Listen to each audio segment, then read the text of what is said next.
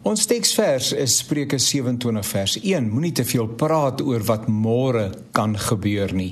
Jy weet glad nie wat môre gaan gebeur nie. Moenie te veel praat oor wat môre gaan gebeur nie. Jy weet glad nie wat môre gaan en kan gebeur nie. Dis nou 'n interessante aspek van die Bybel, nê?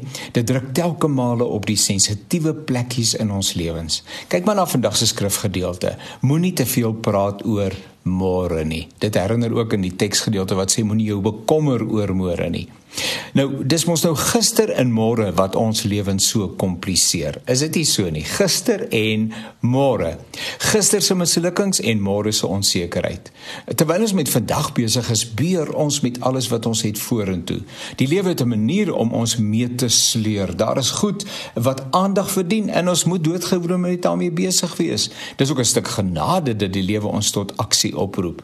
Ja, soms is dit nodig om 'n dag of wat te neem en net los te kom van die geforseerde momentum waaraan die lewe ons onderwerp. Dis nie lank nie en die e-posse hoop op en die telefoonoproepe moet beantwoord word en die huishouding moet vlot en ons moet weer aan die gang kom. Maar gister en môre ons twee uitdagings. Om dit gister klaar te maak is 'n stuk genade. Vind troos daarin dat alle mense op 'n leerkurwe is, jy ook. Niemand het en niemand sal in hierdie lewe arriveer nie. Ons beleef hoogtes en laagtes, dis die sout en die peper, die soet en die suur van die lewe.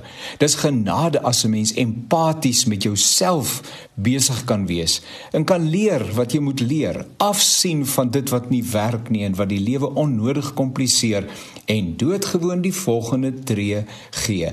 Kry nou klaar met gister, leer wat jy moet leer en gaan aan met die lewe. Maar môre, o die liewe môre Is ek in staat om die môres van my lewe te hanteer? Dalk hou dit ons nederig dat ons moet erken dat uh, juis die onvoorspelbaarheid en die onbekendheid van môre ons op ons knieë hou. Hy het tog die toekoms in sy hande, soos die kinders sing, nê? Hy hou die hele wêreld in sy hand. Hy staan gereed om my in môre te verwelkom. Beloof dat hy reeds die pad voorberei het, dat hy net sal toelaat wat tot my vorming bydra, dat sy genade genoeg is, sy beloftes my sal dra en sy woord my sal leer. Ai, togie. Here, dankie dat U ook reeds in ons môres teenwoordig is. Spreuke 27 vers 1. Moenie te veel praat oor wat môre kan gebeur nie, want jy weet nie wat môre gaan oplewer nie. Ons het vandag, kom ons leef voluit.